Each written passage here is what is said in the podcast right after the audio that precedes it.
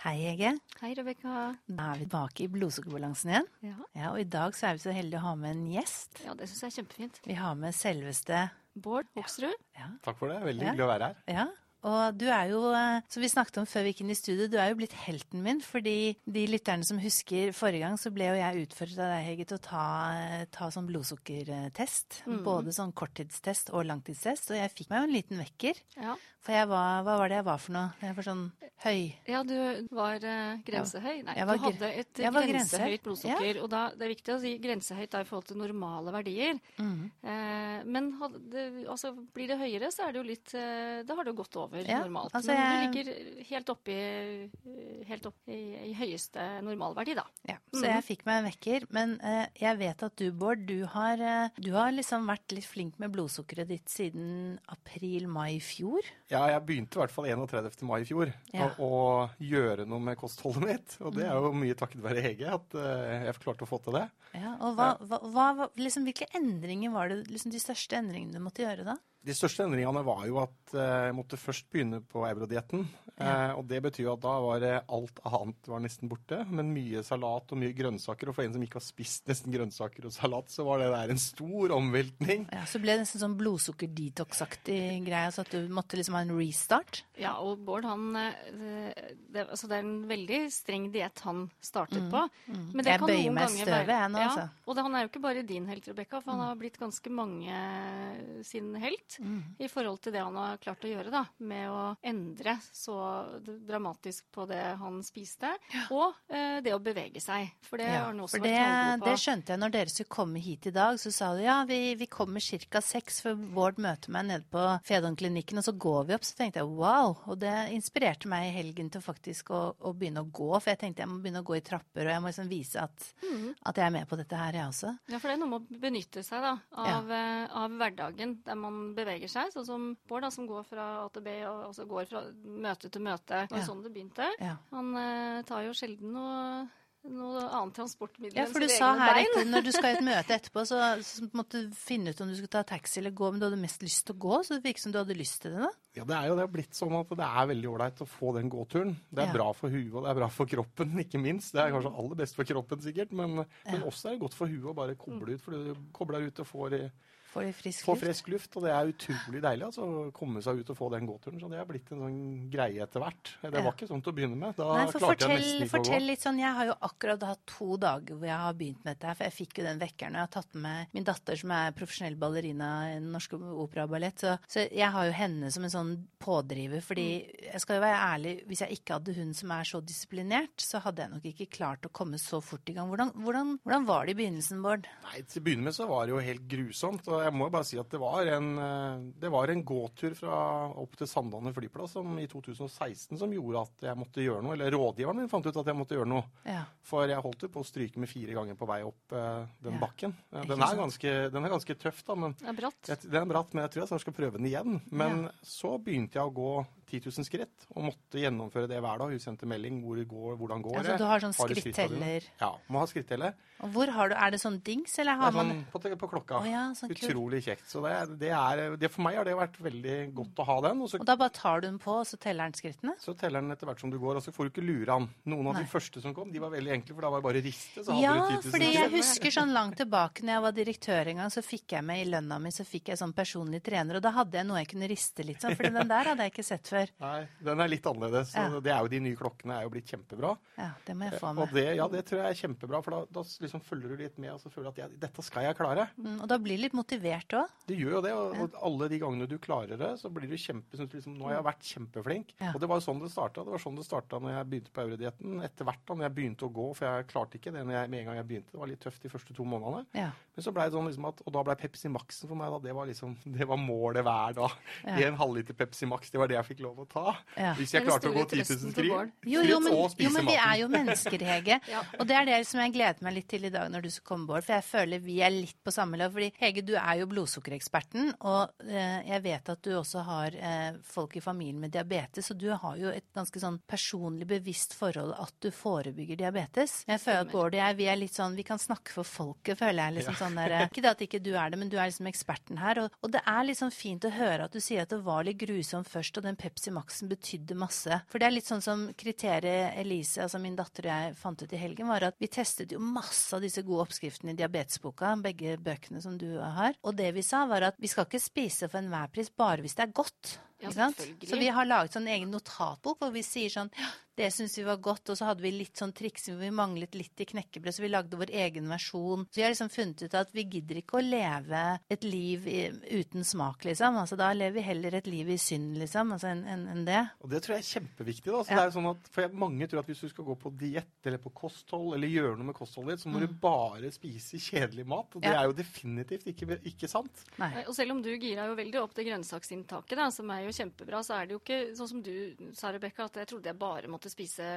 kaninfôr, ikke sant? Nei, jeg ble så glad når det var liksom kjøtt og fisk, og jeg forelsket meg i denne fantastiske laksetartaren med tomat og, og sjalottløk og basilikum. Så tenkte jeg hm, det var rart. Så visste jeg, for jeg har vært redaktør for en bok som het 'Fruktbar kunnskap for mannens edlere deler' med Rune Blomhoff og kreftklinikkssjefen her i Oslo, Sigbjørn Smeland. Så tenkte jeg tomat er jo bra for mannen. Så tenkte jeg ok, kanskje dette er noe bra for Marius, da, som var bortreist, kjæresten min. Men så smakte jeg, og det var jo godt. Det var er er supergodt. Det var bedre enn bare laks. Ja, det er sånn, Nå har jo du sittet og motivert Bård litt til å prøve å lage litt disse her enkle Ja, jeg syns vi skal ha litt sånn hemmelig treff. Jeg. Sånn mattreff. En egen gourmetklubb.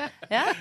Jo, men det som var altså igjen så skal jeg jo Jeg skal ikke ta hele æren for at min pangstart på helgen ble så bra. Det var jo fordi min ballerinadatter, som har disiplin, sa mamma, nå bare gjør vi det. Og det vi gjorde da, var at vi, vi kastet ut mye av det som, som vi ikke skal ha. Eller vi kastet ikke, for jeg har en annen datter som er student, så vi tenkte hun og kjæresten de er så forelsket, så de kan bare spise litt av det ikke vi kan spise nå. Og så gikk vi og handlet, så hele huset vårt er nå stappfullt med sunne ting som passer i, i det vi skal gjøre nå med å teste ut. Og vi sier jo at vi, vi kaller dette for liksom eh, en sånn oppdagelsesreise. Altså vi skal teste ut kan vi spise god mat og holde blodsukkeret i balanse.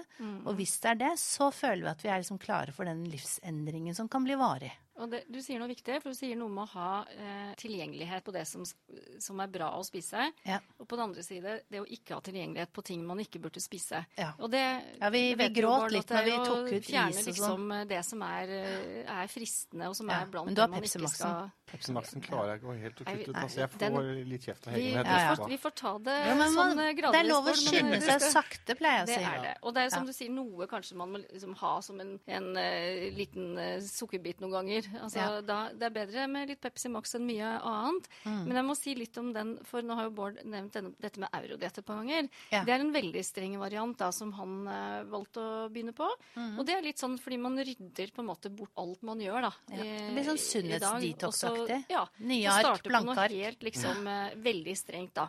Så, så han har jo hatt en litt sånn strengere variant enn det du liksom da, har fått det starte han med nå. strenge. Han er, han, er, han er den store helten. Jeg er litt hun normale som skynder meg sakte Men det Og, er fordi det er flere måter å gjøre det på. ja. Mm, Og Det er hvem- det som er så hvem- viktig. det er Og det er må vi få lov til. Hvem, hvem man er, ikke Ja. sant? Bård Men han du må har ha jo noen også- løsninger han i hverdagen, hvis ikke så går det ikke. Ja, ikke og som sant? Det- minister så blir du vel servert mat og ting og tang. Og, altså, du, du har jo ikke så kontroll kanskje på alt du på en måte spiser til enhver tid. For det, det er noe jeg skal øve meg på denne uken. Det er ha med matpakke. Jeg skal love deg at eh, å være matminister når du skal liksom legge om eh, kosten og være god, det Det- Bård fikk noen utfordringer. Ja, det er, det er bedre å være tilbake til Stortinget igjen, for der er det litt mindre av den fantastisk herlige maten. Men det er jo litt det å få fram at mat kan være utrolig mye godt, og som ikke er gærent å spise. Ja, for Det det, er det, syns altså. jeg var den største aha-opplevelsen når vi, vi da fordypet oss inn i disse diabetesbøkene. Og, og det, vi har jo snakket litt om det, Hege, at vi heter jo blodsukkerbalansen her. Fordi det ene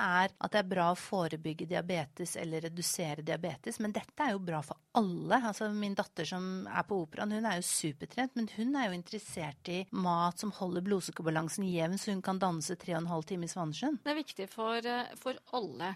Mhm. For deg og meg og for politikeren, for, altså for eh, hvem som helst. Alle har et blodsukker, som jeg sier. eh, Og det, det påvirker oss hele tida. Ja. Så det er jo nåværende helse, framtidig helse. Men så er det åssen hvordan vi har det da, i hverdagen. Og jeg det kan du sikkert si noe om, Bård. det med Liksom, det blir litt eh, mer livskvalitet av å, å, få i seg den rette maten, som Ja. gjør at det er liksom Fortell eh, litt hvordan du, når, når var det du begynte å merke at, du var, liksom, at dette var altså Du har jo snart holdt på et år. Når var det du merket at dette skal jeg faktisk fortsette med? Det var vel sånn Når de liksom tre-fire første månedene var over, så begynte jeg liksom å føle at dette har jeg lyst til å fortsette med. Dette går bra. Jeg klarer å Og kiloene går nedover. Det var Ja, for liksom du, litt av vekten gikk motivasjonen min. ned? Ja. Det var jo kjempeviktig for motivasjonen min at, at vekta faktisk skulle gå ned. Ja. Mens nå er det jo blitt enda mer liksom Jeg syns det er godt, og jeg vet jeg har det bra.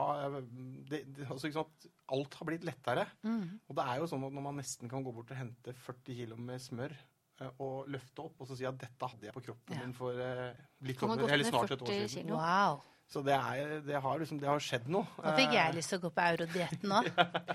Vet du, Når som helst, Rebekka. Ja, men nå testa jeg ut oppskriften. Men, men gratulerer, det er, jo, det er jo en bragd. Det er jo superbra. Men det er jo mange som klarer det. Men det er jo nå jobben selvfølgelig og kampen begynner. Det der å klare å fortsette å holde på det, og Ja. klare å holde motivasjonen der, klare å fortsette å ikke gå opp igjen. For jeg ser jo det er sånn at alle vet det at når man prøver å gjøre noe, så hender det at man får noen smeller. Ja, og ja, fordi det er litt viktig.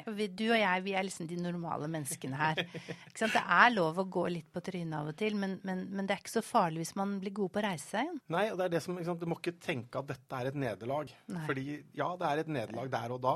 ja. Og så må du bare tenke at i morgen så er det en ny dag, en ny mulighet. Jeg bør ikke Ja. si i morgen heller. Nei. Men etter at du har gjort noe som du vet er dumt. altså Det var sånn at når jeg ble, måtte gå av som statsråd, Ja. så var det jo sånn at jeg satt i Berlin, og jeg tror alle skjønner på den følelsen at liksom, dette får du ikke lov å fortsette å holde på med. Nei. Det er skikkelig nedtur. Ja. Og så reiste jeg nesten halve Europa rundt, og så kommer jeg til Gardermoen, og så ser jeg de melkehjertene som står fra Freia. ja. som står da, Som bare sier 'kom og ta meg', 'kom og ta Og meg'. da bare gå bort, hente den esken, ta Ja. med seg den, få betalt den, og bli kjørt hjem i leiligheten. Og så Ja. bare åpne en pakke, bare putte den inn i munnen.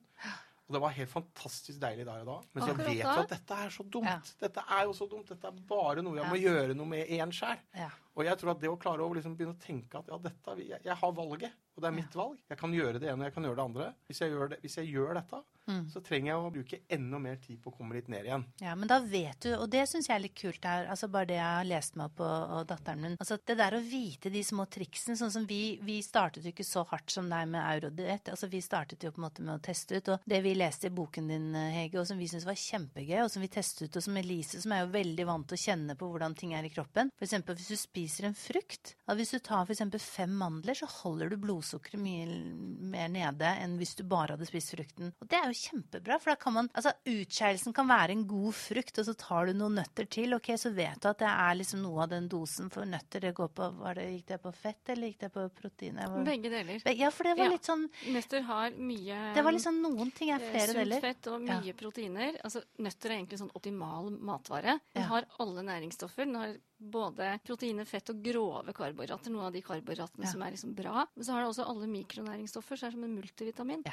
Men det er jo noe med Du sa fem eh, nøtter, og det er jo sånn jeg sier litt. Altså, noen Ja. kan ta fem, noen kan ta ti. For det, det er ikke bare å spise så mye vi vil av det som er sunt heller. Nei, for det var litt sånn eh, porsjoner. For vi kjøpte sånn cashewnøtter som eh, var salte, for vi skulle ha det på topping på en av rettene på sånn deilig svinefilet med peanøttsaus, som Ja, vi var veldig fornøyde. Retten. Ja, og så med sånn blomkål. Det het noe sånn blomkål Ja, Det høres sånn litt fransk ut.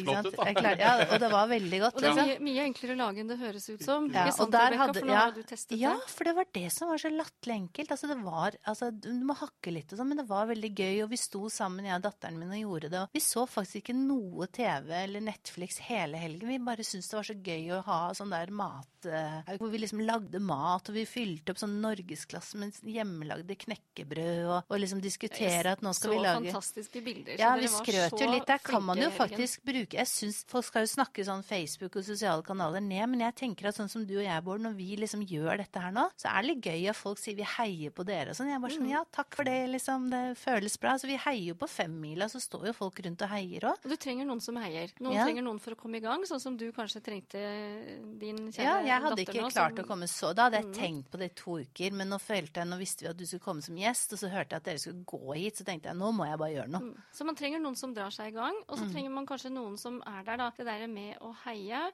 Ja. Og noen ganger, eh, ikke sant, rettlede. Altså husker du ikke hvorfor det, det var dette du syntes var viktig? Ja. Eh, sånn som når man trår litt feil noen ganger, da. Så, så man trenger kanskje noen på laget, da, Ja. noen ganger. Og så Eh, kanskje det, jeg, jeg tenker at det er litt lettere at du som da både matminister og nå på Stortinget og sånne ting ikke sant? Altså det at du sier at ja, jeg spiste de sjokoladehjertene, jeg gjorde det. Og så bare, men så visste jeg hva jeg skulle gjøre. Da tenker jeg sånn, ok, da er det ikke så skummelt. fordi ofte så er man jo redd for å sprekke fordi det, det blir så veldig alvorlige konsekvenser. Men hvis man da hører liksom at Bård, ja, han spiste de sjokoladeertene, vi skjønner det veldig godt, liksom. Bli Berlin, ja, hadde jeg vært i Berlin, hadde jeg visst det, hadde vi kjent hverandre da, så jeg kom, for jeg er jo halv berliner.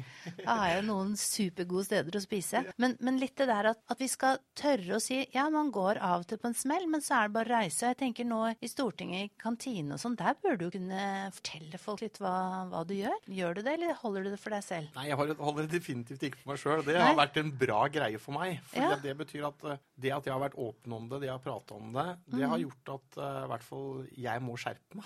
Ja, for Så for meg har det sånn- vært faktisk en motivasjon at mange vet det. For det betyr at det er mange som følger med, Ja. og de ser hva jeg gjør for noe. Og så blir du jo litt heiet på der òg, da. Ja. Gjør det. Og jeg har fått masse bra tilbakemeldinger. Og det er mange som kommer og sier at de er inspirerte, syns at det er bra, og de ser at det er mulig. Og det er jo det som er viktig. Altså, det, dette er sånn at dette er én måte å gjøre det på. Ja. Det, det funka for meg. Ja. Det er ikke sikkert det funker for andre. Men det er altså opp til hver enkelt å finne sin måte hvis man ønsker å gjøre noe. Hvis man ønsker å endre kostholdet sitt, hvis man ønsker å gå ned noen kilo.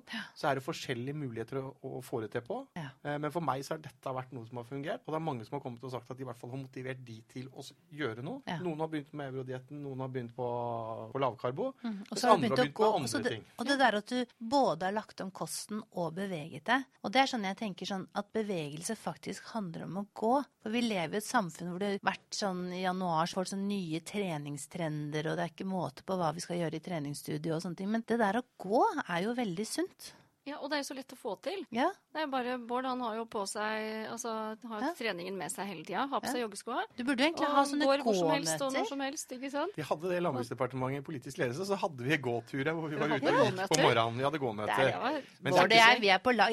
Vi Ja. må ha definitivt den der gourmetklubben. Altså, Ja, ja, ja. ja, men er ikke det kult å ha gåmøter der hvor det lar seg gjøre? Det er jo kjempeålreit, og det er, det er bra. Og det var sånn at plutselig så var det andre i departementet også som måtte lære seg at de måtte begynne å gå. Ja. For det, og sammen når vi skulle ut på ting, så likte jeg helst å gå og slippe å kjøre bil. Ja. Og det var å tenke på, Jeg var en som elska å kjøre bil før, og, og Ja, gjorde alt jeg kunne for eh, å, overalt.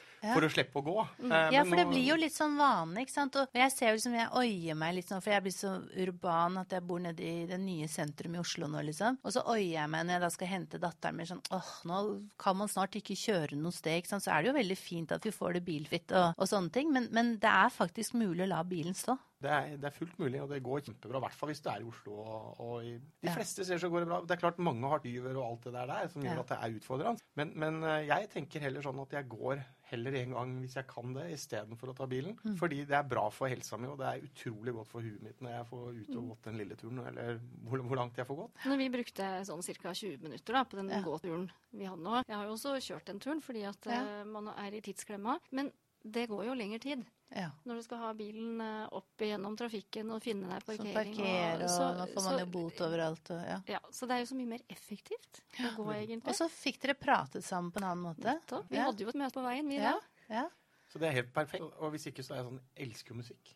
Ja. Det er jo helt nydelig å bare sette på øret. Og så går du med Og så går vi med musikk, og så er livet helt herlig. Ja, Høre på gode podkaster Ja, når den går Ikke sånn. sant? Og jeg tenker det er som du sa, det er å, å løfte 40 kilo smør og si dette, dette bar du på før, liksom. Altså, hvordan, hvordan vil du si altså, Hvilke fysiske og mentale ting altså, Hvordan har det vært fra den reisen fra, fra at du kjente på Du sa du gikk til en eller annen flyplass og kjente nå er det, nå er det, nå er det ikke bra med meg. Altså, hvis du skal liksom fortelle lytterne liksom sånn Det ene er kiloene, liksom, men fortell litt hvordan det har vært å være Bård på denne reisen. Det er i hvert fall ikke tvil om at det blir lettere og lettere. Og Mm. så er det jo litt sånn at det var jo ikke Bård som fant ut at han burde gjøre noe.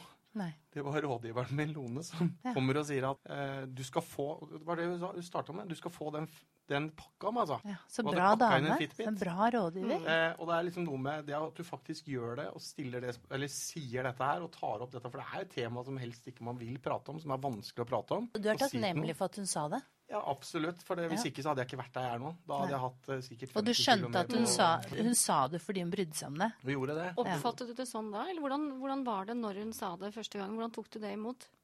Nei, jeg, altså, liksom, For meg så var det sånn at jeg, jeg skjønte jo det etter å ha hatt den turen. Så skjønte jeg at det her, du, Ja, du og hun må var på en måte rådgiveren din, ja. Uh, Og så- som politiker så stoler du på rådgiveren din, på en måte? Ikke alltid. Nei. Men denne gangen, Denne gangen så, ja, ja. Og så var det jo et litt sånn naturlig tema akkurat da. Når du på en måte holdt på å dø, da, stryke med fire ganger opp der, så Ja. var det jo kanskje naturlig for henne å kunne ta det akkurat da. Så er det klart å sitte i helsekomiteen og, og veie nesten 150 kilo, det Ja. er jo ikke bra. Nei. Sånn Men at derfor det tror jeg du blir gjøre. Derfor tror jeg du blir et veldig Altså at du ikke blir, men er et veldig bra forbilde. Fordi det er litt det der at øh, Altså det er sånn Jeg selv, jeg jobber jo som coach, ikke sant. Og hvis jeg jobber med kreftpasienter, så er det Det er lettere å vise en annen form for respekt fordi jeg selv har vært kreftpasient. Så jeg tenker litt det der at, at det, som jeg sier, vi er litt på lag, ikke sant? for du er kjempeflink, og du er jo venninnen min og sånn også, i tillegg til samarbeidspartner, men hun er jo litt sånn Miss Perfect på blodsukker, ikke sant? Så Altså, kanskje på, på akkurat det. ja, ja. Men du Men det- sa jo du kunne bli enda bedre på stress, fordi hun var veldig flink når vi Ja. så at jeg hadde litt høye verdier. Så, så, jeg, er jo, jeg, jeg stresser jo ned mer enn de fleste. Jeg har jo vokst opp med en far som var magister i psykologi, og mine barn har lært at stressmestring Så barna mine sa betale folk for å lære stressmestring liksom når de var ti år. Så jeg ja, det er veldig mange som ikke kan det. Og så, men så hadde jeg den nei, ikke- Borelian. Bolerian og ville danse, ikke sant. Bolero. Det med at jeg da ikke fikk gjort fysisk aktiv, så skjønner jeg på en måte hva det er. Og som du sier, når du sitter i helsekomité og, og veier liksom det du vet ikke er sunt, ikke sant, så er det likevel derfra. Det er en veldig lang sånn dørstokkmil. Eh, og veldig ofte så er det jo sånn at vi må møte det derre tøffe som du gjorde. Men, men nå når du på en måte er blitt et forbilde, klarer du å nå inn til folk før de stryker med, holdt jeg på å si? Altså, klarer du å inspirere dem med din egen opplevelse? Jeg håper jo det, da. Mhm. Eh, men det må jo selvfølgelig hver enkelt svare, svare for. Men jeg håper jo at det at noen gjør det, det at man er litt åpen om det og forteller om det. For det er Mhm. kanskje spesielt mot menn, med, hos menn så tror jeg at dette er noe som man ikke prater så egentlig så mye om. Og vi vet at veldig mange er overvektige og trenger å gjøre noe. Ja. Men så er det også det der at det å liksom felle noen og stå med pekefingeren og si at nå skal du gjøre dette her, og dette skal du ikke, du skal ikke få lov å fortsette å holde på sånn, du skal ikke få lov å spise det, Mm.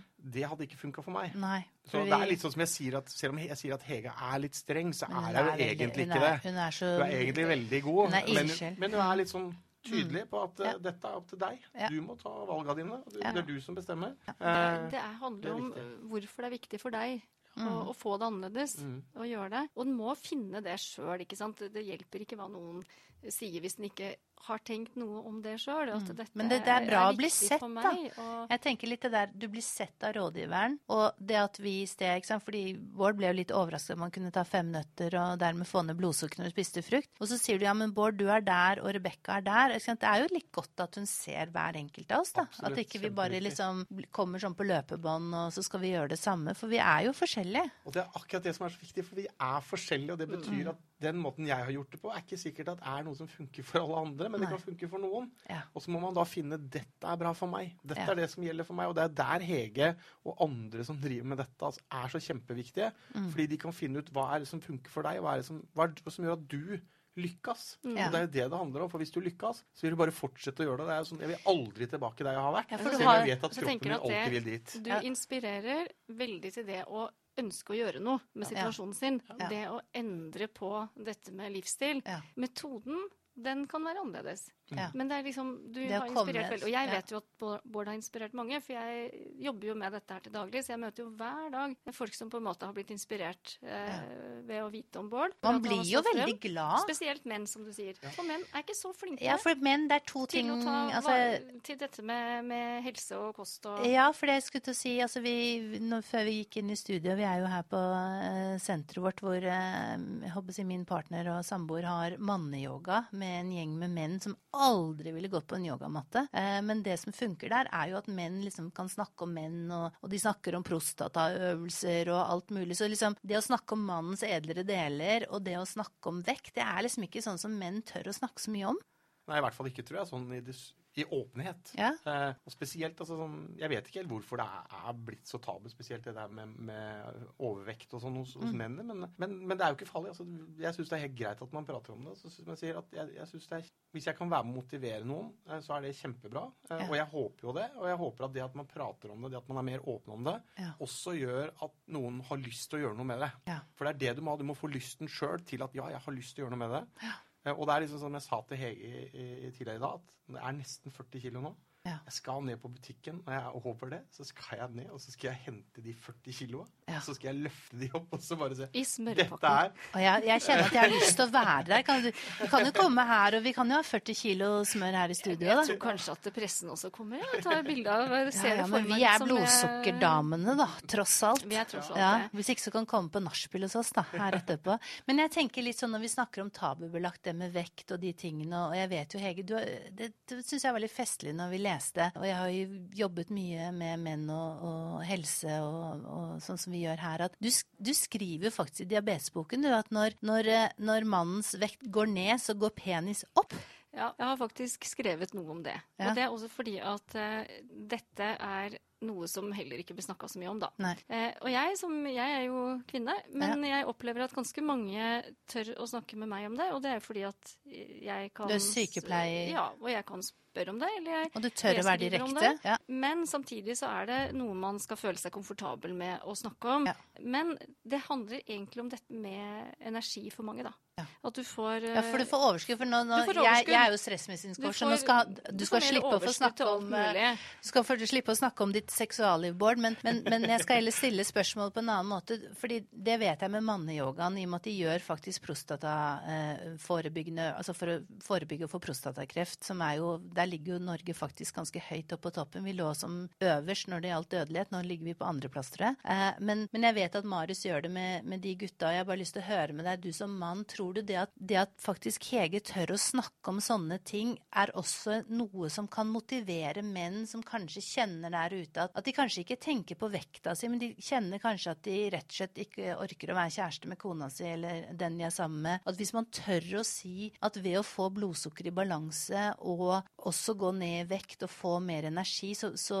så blomstrer det på en måte ny vår også på romantikken. Tror du det kan motivere en mann? Ja, det tror jeg definitivt helt sikkert for mange som, som sliter. Det er, det er jo Ja. dette man ser, at det er så mange ting Ja. med eh, Altså, ting henger sammen, og det er, det er alle disse tingene som henger sammen, som plutselig gjør at hvis man klarer å gjøre noe med noe av det, klarer å forbedre, klarer å bli en, enda bedre, så, så er det mange andre ting som man ikke tenker over, som i tillegg kommer som positiv effekt der. Ja. Eh, og Ja, og er jeg tenker det er litt sånn, for det merker jeg sånn, sånn når de gutta på yogarommet, når de har manneyogaen. Altså da, jeg har vært vikar noen ganger, for noen ganger så fyker Marius på sånne snowboardturer. Og da snakker jeg det, og, de er blitt skikkelig vant til å snakke om mannens edre del, for da gjør man noe som heter rotlås, og, og, og man gjør en øvelse som virkelig da forskes også på nå av en som er nobelsprisvinner i medisin, på en øvelse som er der. Og mange av de gutta, og det er liksom alt fra sånn DJ-er til businessmen, de sier at ja, faktisk den informasjonen gjør at de orker å sitte og gjøre det i tre minutter eller ti minutter. Så jeg tror liksom vi må tørre å liksom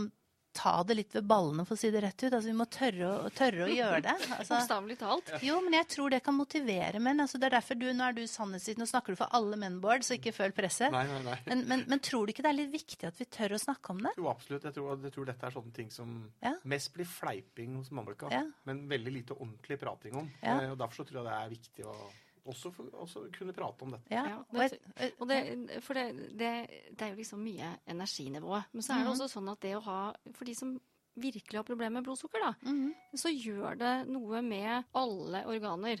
Ja. Også eh, edlere deler. Ja, og som det gjør var at det hos kvinner det ikke funker hvis- sånn som det skal. Og dette gjelder jo ikke bare menn. Nei, det gjelder Ikke sant? kvinnen Nå eh, har vi jo en mann her, men vi er jo to kvinner òg. Ja, nå må vi Eh, til pers. Eh, og det, fordi det, det er eh, akkurat det samme for kvinner. Mm, mm. Eh, og det går jo veldig mye på lyst og energi. Ja. Men så er det også det at ikke ting på en måte funker på den måten det egentlig skal. da. Mm. Fordi at man er litt ute av balanse, kan vi si. Ja, og så er det følsomhet skaper- også. Nerver. Altså det, Mm, man blir rett og slett. Mange kvinner får rett og slett ikke nok følelse. Så når jeg snakker om liv, livsstil, og Mm. for jeg skrevet om det, ikke bare for de som har diabetes, for jeg tenker Nei. at bøkene mine er For det høres mest- skremmende ja, ut noen ganger. Sånn litt diabetes Ikke sant? Det er, for- det er for alle. Det Ja. å ha et bedre Vi har jo blodsukker alle sammen. kosthold. Men god livsstil, Ja. det er jo eh, det å leve et liv som man har lyst til å leve. At, Mm. at det er, livet er sånn som man eh, ønsker seg det, da. Eh, ved å prøve å gjøre noe med ting som ikke har fungert eh, så godt. Men Mm. sånn som Bård sier, at det, er masse som egentlig bare henger sammen. Kanskje man egentlig ikke har tenkt på det. Kanskje man ikke har opplevd det som noe problematisk. Og mange det, føler sånn Og det må vel bare det være sånn. Det må bare Mm. være sånn. Ikke sant? det vi går liksom rett vei. Ja, Hvis vi tenker oss nå et eh, ektepar på, i 50-åra, ikke sant, som kanskje da ikke er så romantiske, og som kanskje har fått på seg litt for mange kilo, og som på en måte da ja, ikke sant, tar det litt rolig og ikke går den turen som de kanskje likte før, å gå på fjellet eller altså sånne ting. Det blir jo lett sånn at ja ja, det er vel sånn det skal være. Ikke sant? Og det er, der, det er der vi kanskje, du og jeg, Bård, er liksom på, du har jo vært et år våken, men altså hvor jeg nå våkner altså Det er faktisk veldig mye man kan gjøre, og man kan gjøre det alene, men man kan også gjøre det sammen, som jeg gjør det da med datteren min og gjør denne veien. Og Marius kommer jo til å Nå vil jo alle sjekke blodsukkeret her, fordi dette med å faktisk sjekke blodsukker, det syns jeg er litt kult. Nå er jo jeg en forsker i bånn, men jeg syns det er litt gøy, selv om forrige gang så var det litt tøft å få høye verdier. Men det er jo litt gøy å sjekke det, og så sjekke om det blir bedre. Ja. Altså, det, det er jo For litt når, du motivasjon. må, når man måler blodsukkeret, så må det være en grunn til at man gjør det. Mm. Og sånn selvfølgelig når man går til doktoren sin, så er jo det burde være en rutineprøve. Mm. Og spesielt da, når man er godt voksen og eh, kjenner på at ting ikke er helt som det skal med kroppen. Man vet at man ikke er god nok med kosten, man beveger seg lite, ser at det har blitt liksom noen kilo. Så, så, så burde det jo måles. Men sånn ellers da, så kan det være interessant, eh, sånn som vi gjorde Elise, med deg ja, nå, ja, ikke sant? Å mm. sjekke eh, hvordan står det egentlig til når det har vært sykdom. Og det var så dårlig som jeg gjort, eh, Egentlig var forberedt på. Ja.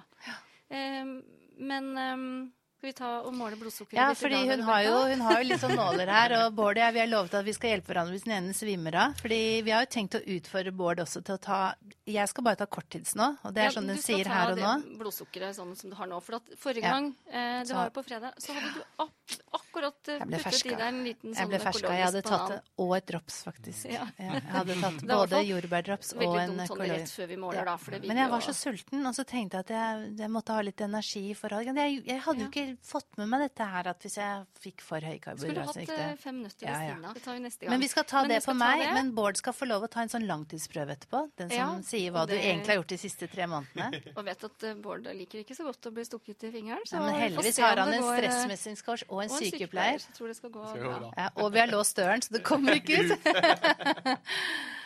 Ok, Er det forskjell på venstre og høyre? Nei da. Nei, for forrige gang tok du venstre. Jeg skal strekke meg over her. Okay.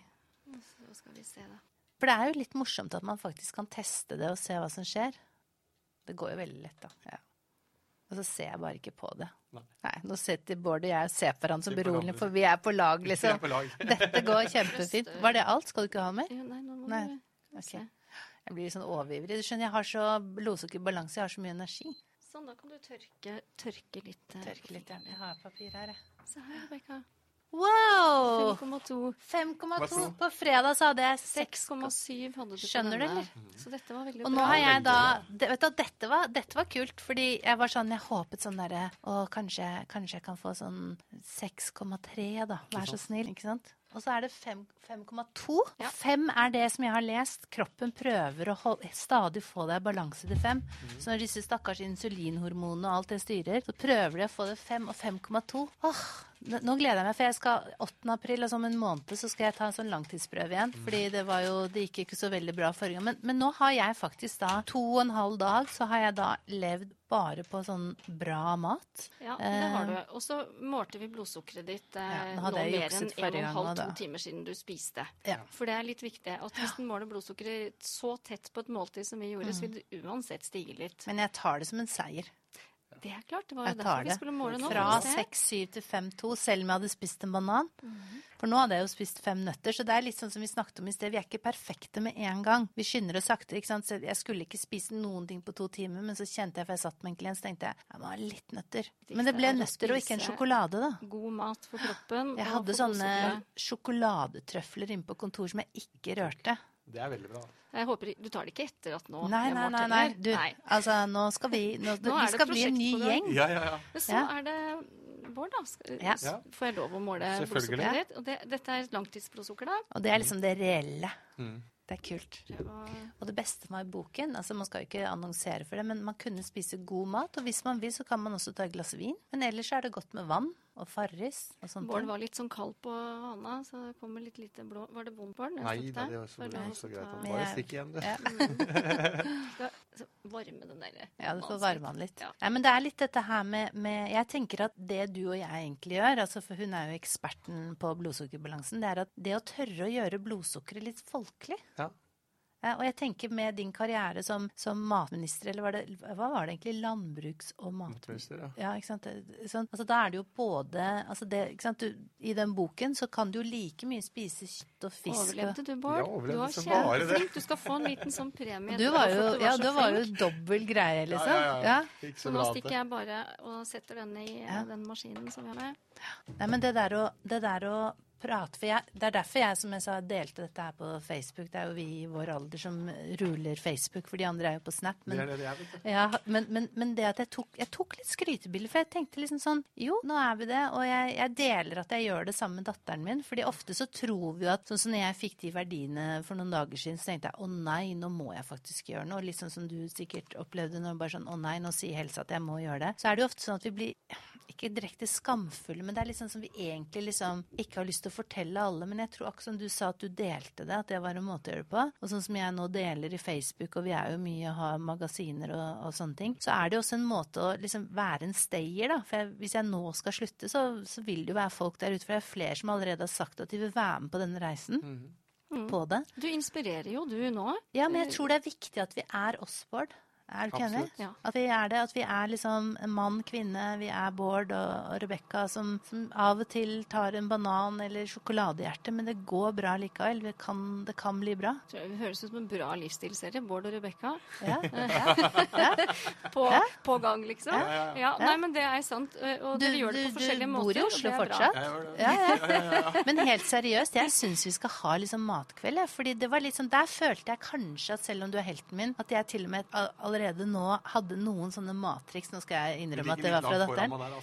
Ja, men det jeg tror, da Jeg tror en kveld med oss tre, og så kan vi invitere de vi har lyst til å ha med i tillegg, og bare lage noe av den maten som virkelig er supergod, og som er til og med norske råvarer, hvis vi tenker på at du liksom har frontet liksom norsk landbruk og mat, liksom. Også at det kan være veldig enkelt. Ja, for det var så rart. Du tenker at det er så Enkelt så mye så vanskeligere å Ja. lage sånn type mat. Men det Ja. er jo bare ordentlig ekte mat. Og Ja. det kan være kjempeenkelt Ja. å spise riktig. Og jeg slår jo veldig et slag for det at ting skal At det skal være litt, litt enkelt. Ikke Ja. behøve å ta veldig lang tid og ha 40 ingredienser. for det likte jeg, det gikk sånn så er det fort. litt i dagliglivet. Da. Ikke, eh, jeg har ikke tid til å stå timevis med mat som har eh, jobber en del og har to barn. Så mm, det er noe med det der med, å, med at det ikke behøver å være vanskelig, som jeg tror mange tror. Akkurat som Ja, du trodde, det er sånn, jeg trodde det var kjempevanskelig. Og så liker jeg også sånn at du gir meg de rådene at bare lag en litt større middagsporsjon, så har du noe til lunsjen dagen etterpå. For det er jo litt sånn planlegging. Hvordan var det du, du snakket om, hva er det du spiser til frokost, Bård? Da er det stort sett skinke og e- Nei, og um, ost. Ja? Norvegia. Ja. Det er liksom det det pleier å være. Ja. Og så har jeg av og til så jeg Ruller du de sammen da, eller legger du de oppå hverandre? Hvordan spiser du det? Ruller sammen. Ja. Et par ostebiter og et par skinkebiter, Ja. og så Det- spiser. Bård, han, han har sånne fine, enkle løsninger. Du er egentlig en italiener, du. Ja. Ja. For det var jeg litt glad når jeg leste Ja. den boken, at, at jeg kan spise spekeskinke og parmesanost, for jeg har ikke kjøpt meg hus i Italia, så jeg liksom skal jo spise mat. Og derfor jeg tenkte når du sa skinke og ost, jeg bare sånn yes! Men det er ikke kjeks under da, liksom. Nei, men Det er jeg ikke- kan også bare ost spise og ost, sånn og jeg kan surre rundt. Ja, du kan surre bare det sammen, ikke sant? Ja. godt. Og noen Ja. ganger så har du jo litt sånne veldig sånne knekkebrød som er kjempegrove, da. Sånn som du lagde. Mm. Du kan Det er bare at det hender neste at, gang. Hadde jeg visst det, skulle jeg tatt med noen av mine hjemmelagde knekkebrød. Men det syns jeg jo du skal Ja. det, det får jo du produsere for han, du nå, da. Som, eh, ja. Men, men han kjøper jo noe lignende, da. Mm. Men så er det jo superenkelt og veldig mye rimeligere å lage. Ja, for vi lagde mye. Det var veldig lett. Det var bare å blande masse frø og så noe greier oppi, og så hang det, og så tok vi det sånn ut på langpannen, og det gikk kjempebra.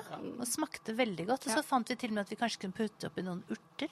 Det er rom for å variere mye. Ja. En kan Ja. bruke litt forskjellige nøtter, forskjellige Ja. frø, og putte oppi eh, litt soltørka tomat kan man ha for å lage liksom litt sånn ja, en liten eh, vri, da. Ja. Men jeg, jeg har lyst til å spørre deg, siden både Bård og jeg liker Jeg må skinke si at og det som surrer og går i bakgrunnen, for det Ja. bråker litt her inne Det er hos oss nå, det er denne prøven til Bård som står og jobber godt. ja, her, er sånn, her det tar skjer fem det minutter, Bård, å få svar på den. ja. men, jeg, men hvordan er det sånn når man sier ost? Mm. Altså, jeg har skjønt at parmesanost går, Norvegia går. Hvordan er det sånn med castello, sagaost? Altså, hvor, hvor, hvor forskjellig blir ostene? Er det store forskjeller? Må man ta noen hensyn der? Det er nok best å spise en sånn fastost, litt sånn som den varianten som dere begge nevner. Manchego, går det jo Ja, Manchego, det ja. går. Men det som er er viktig å si når du spiser noe, så- de matvarene som er såpass fettrike, da, Ja. som det oster er, da er det viktig at ikke det er mye karbohydrater i kosten samtidig. For da tåler vi det fettet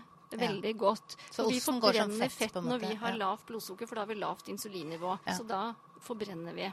Ja. Men så derfor så er det veldig dum variant dette med sånn fin kjeks under osten som en driver med, eller øh, fløtegratinerte poteter og liksom sånne eh, Mm. Men når vi har de, når vi har de knekkebrødene, og så Mm, tok da- jeg faktisk de og- ja, på, og så stekte jeg sånn supergrovt rugbrød. Tok jeg bare i pannen. Mhm. Og så ble det sånn sånne kjeks, og de selges jo i butikken liksom for 80 kroner for en bitte liten pose. Og så hadde jeg bare et gammelt brød liksom, som ble supergodt. Mm, så lenge Men- det er grovt og fint, ikke Ja, sant. men hvis Så- jeg, jeg, jeg vil litt tilbake til denne blåosten.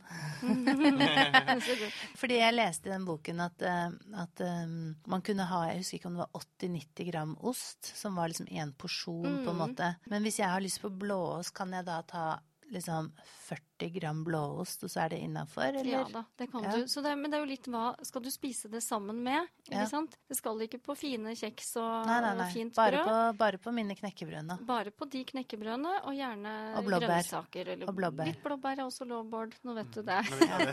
Ja, for jeg blåbær, det fant vi ut av jeg vi har vært så streng med og frukten, men, men Ja. etter hvert så er det jo ikke det er jo ikke det vi ikke skal spise. At vi liksom at det som er synd å ta, er frukten eller poteta. Det er jo selvfølgelig det som handler om eh, ordentlig sukkermat Ja. og melmat. De Ja. tingene bør vi unngå Men jeg har hver kjøpt dag og bare velge svært sjeldent. kjøpt nå. Det er jo en veldig mye bedre Det var godt. variant, for det handler jo ikke om malt korn. Nei, vi har lagd mandel-bananbrød, Bård. Ja. Ja. Jeg, jeg, jeg, føler liksom, jeg føler virkelig at jeg er motivert. Jeg blir nesten litt sånn gira. Fordi jeg, jeg tror liksom det der å bare skjønne at du kan bytte ut melet med f.eks. mandelmel, da. Med moste bananer, gjorde Elise. Og så stekte jeg det, og det var sånn supergodt. Jeg skal innrømme jeg hadde litt sånn dårlig tid i dag, for jeg hadde noen møter og sånn. Det var så godt å ha det der mandelbrødet. Og så bare tok jeg to tynne skiver av det, noen blåbær, og så følte jeg Jeg tror det er mange som fikk lyst til å lage det brødet. så sant? Man Ja. inspirerer veldig, Ja. veldig fort. Jeg skal si noe annet viktig da, når vi snakker om dette med å spise fett. Ja, for man blir litt sånn forvirret noen ganger. Ja. Det som er viktig at en forstår, det er at det er bare et næringsstoff som påvirker blodsukkeret. Som får det til å stige, og det er karbohydrater. Så proteiner og fett tåles veldig godt for blodsukkeret. Og man kan spise mer fett enn Ola Nordmann tror. Ja, hvis man spiser lite karbohydrater. Ja. Så for, da, når du spiser fettproteiner, så er blodsukkeret veldig stabilt og fint. Mhm. Og det, så det påvirker ikke der, men hvis en da begynner å blande inn karbohydrater, og blodsukkeret stiger, så lagrer man da veldig fort mat. For insulin er lagringshormonet vårt. Ja. Og det er jo det som skilles ut i kroppen når vi får for høyt blodsukker. Som vi får når vi spiser kneippbrød med brunost. ikke sant? Altså Hvis vi skal ta liksom det litt som vi har liksom vokst opp litt med. da. Mm. Eller masse poteter med én kjøttkake til. ikke sant? Ja. Så det er liksom å snu litt på det. At vi må bort med mye av de raske karbohydratene og ha mer proteiner. Og da tåler vi også en del fett i maten. Har du fått med deg potettrikset da, Bård? Jeg, jeg har fått med meg potettriks. Altså, vi skal jo ikke ha så Jo, mye det vet jeg. poteter. Ja. Ja, Du skjønner hva jeg mener nå? Si det. Du skal først koke opp den ene dagen, så skal du bare vente til dagen etterpå. Så kan du koke opp en gang Ja. til. Og så er det masse karbohydrater. Og da, og da gikk det ned 30 Var ikke det Det kult? Da tenkte jeg sånn der, yes, for jeg liker sånne ovnstekte poteter. Så, tenkte, så det er litt sånn som det nøttetrikset. Det finnes noen sånne triks. altså Har du noen flere spise- triks? Men det, det, dette gjelder jo poteter Ja. og rotgrønnsaker. Ja. eh, Gjelder det som- rotgrønnsaker ja, også? Ja, det gjør det. Sånn at det må, hvis man har tilberedt de, så må de bli helt kalde. Ja. Men da kan man godt varme de opp igjen, Ja. og da har man denne mye er lavere blodsukkerstigninga. Det er ganske godt å ha sånn langpanne, for det gjør Lise masse. Det er sånn, det er håper jeg, nasjonalballettdietten, holdt jeg på å si. Da har de, fordi de får ikke lov å sulte seg der, for da tar Ingrid Lorentzen dem av scenen. Det er ikke lov med anoroksia. Så det, det er Ja, det høres jo fornuftig ut. Gone, så hun er en veldig bra leder der. Men de lager ofte sånne grønnsakspanner med rotgrønnsaker, eh, som man spiser varmt, men som også er supergodt dagen etterpå som en slags salat. Det kunne du jo skeie ut og lage en sånn Hvis du har masse rotgrønnsaker, vet du, Bård, og så om morgenen så har du Ruller du en persillerot og gulrøtt som har stekt i ovnen, og som er kald, inn i skinka og osten din, og så er du skikkelig gourmet. Det kan være en søndagsfrokost. Ja, det hørtes så godt ut, Det da. høres veldig godt ut. Og det er jo, for rotgrønnsaker, det må vi jo ha innimellom. Og spesielt da på høsten når de er på det beste. Vi skal jo på en måte tenke sånn at vi spiser litt sesongens eh, varer.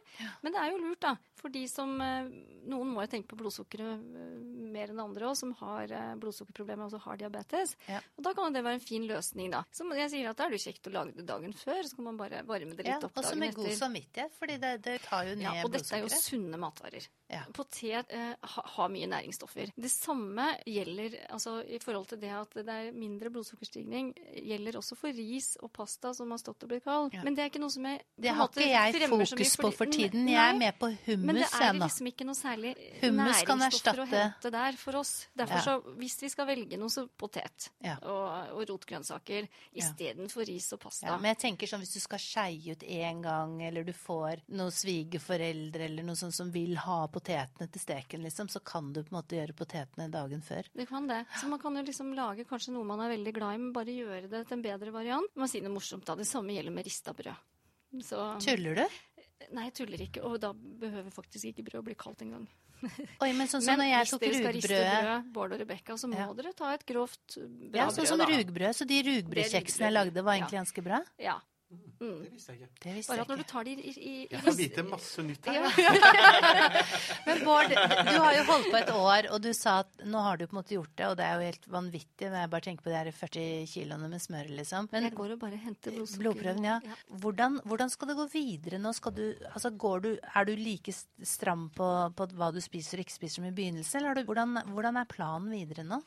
Jeg skal jo enda litt til ned. Ja. Jeg skal under, eh, under tresifra. Mhm. Så tror jeg det faktisk at første gangen jeg prata med Fedon, så tror jeg vel jeg sa 105 kilo, tror jeg jeg sa. ja. Det har du jo.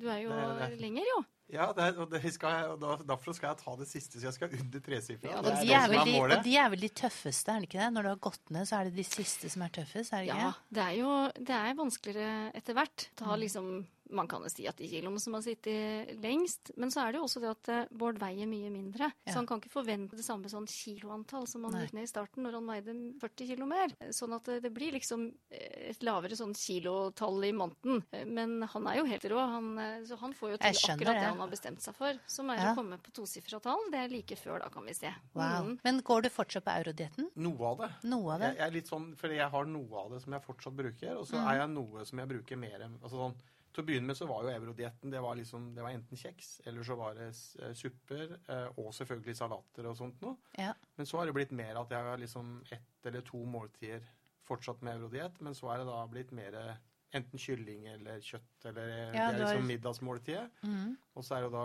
skinke og ost. Ost om morgenen. Og, Mm. så, så Den liksom skal det er- jeg er blitt litt mer Og så er det litt skyr, eller Ja. altså sånn Jeg tar et Mm. eller annet sånn Ja, for det var jeg glad at Skyr var innafor. Det, det likte Mm. jeg også. Men er det litt sånn også nå Altså jeg spør fordi du på en måte har holdt på så lenge nå, og er det litt sånn at du egentlig etter hvert nå kan tørre å spise flere retter? Og nå har jeg prøvd å inspirere med laksetartar med tomat og sånne ting. Er det sånn, handler det litt om nå å tørre å, å lage litt mer mat som på en måte også er bra for blodsukkerbalansen? Det er et nytt skritt, eller er det mer sånn at du tenker at du liker best det som er enkelt, altså at det er ferdig og, og sånne ting? Hvordan er det? Jeg tror nok at jeg er sånn i, i ukene så tror jeg jeg er mye mer opptatt av Da må jeg være tydelig og følge ganske Mm. slavisk. Altså det, er, det er middagen som på mange måter er måltidet i uka, som jeg koser meg litt ekstra, eller Mm. spiser litt.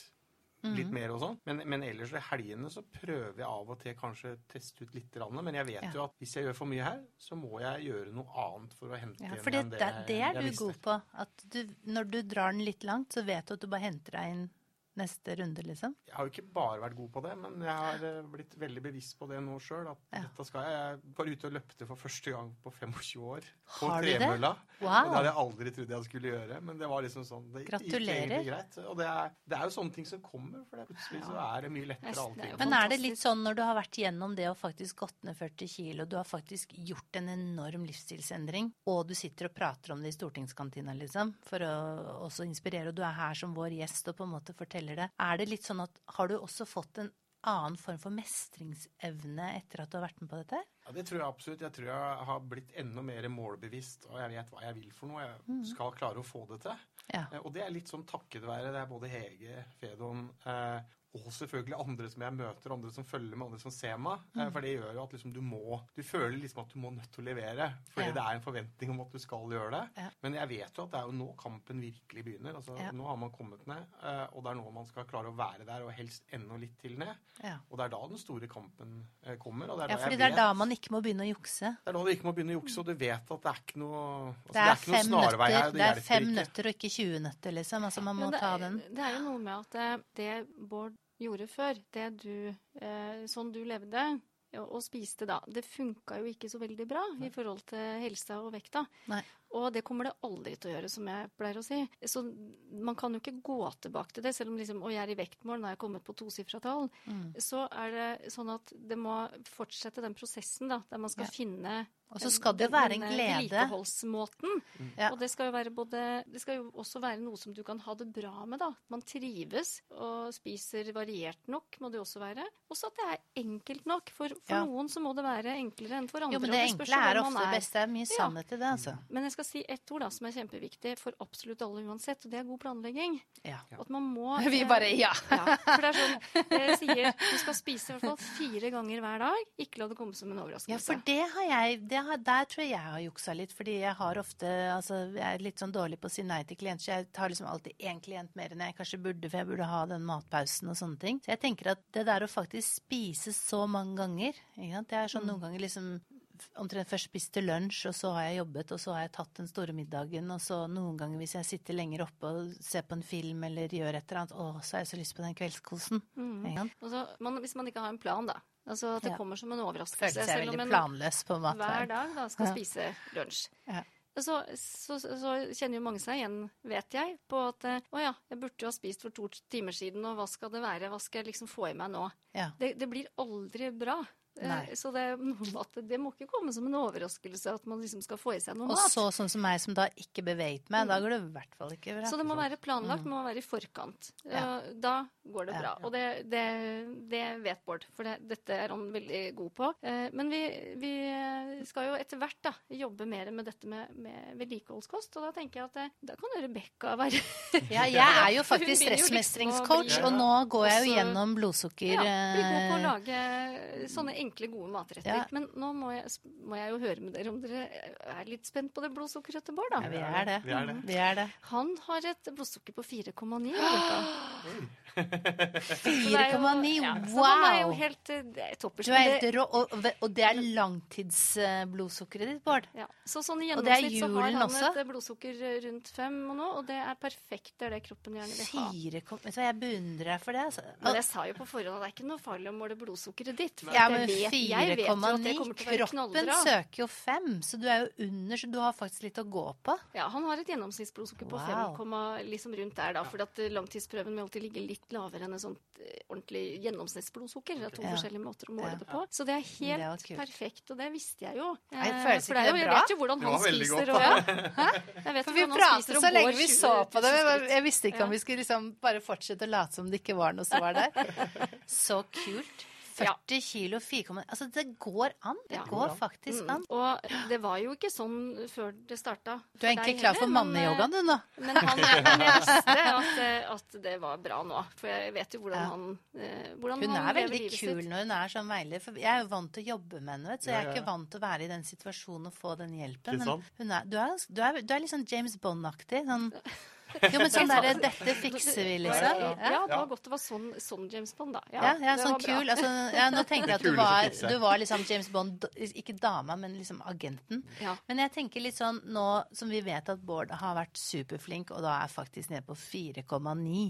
Har du noen råd nå med de endringene? Er det, no, er det noen sånne dumper som man må forvente seg? Altså, sånn, vi hadde sjokoladehjerte, og jeg hadde en banan, og, og de tingene. Er det noe råd du vil gi han sånn av din erfaring med å ha jobbet så mye i ja, Du har jobbet i, er det 30 år nå med folk med blodsukkerbalansen? Ja, i hvert fall noen og tjue. Ja. Eh, Men Bård han har jo liksom kjent litt på akkurat de der dumpene som kommer litt. da. Mm. At, eh, at det skjer noe som en mister litt fokus, og, eller får behov for å trøste seg litt. glemmer det litt, ikke sant? Ja, Ja, og det trenger man noen ganger. Han er jo et bra Bare menneske. Han er et vanlig Han er helt Ja. vanlig. Og så er det så fint å dele også Og det som er min, utfordrende. Ja.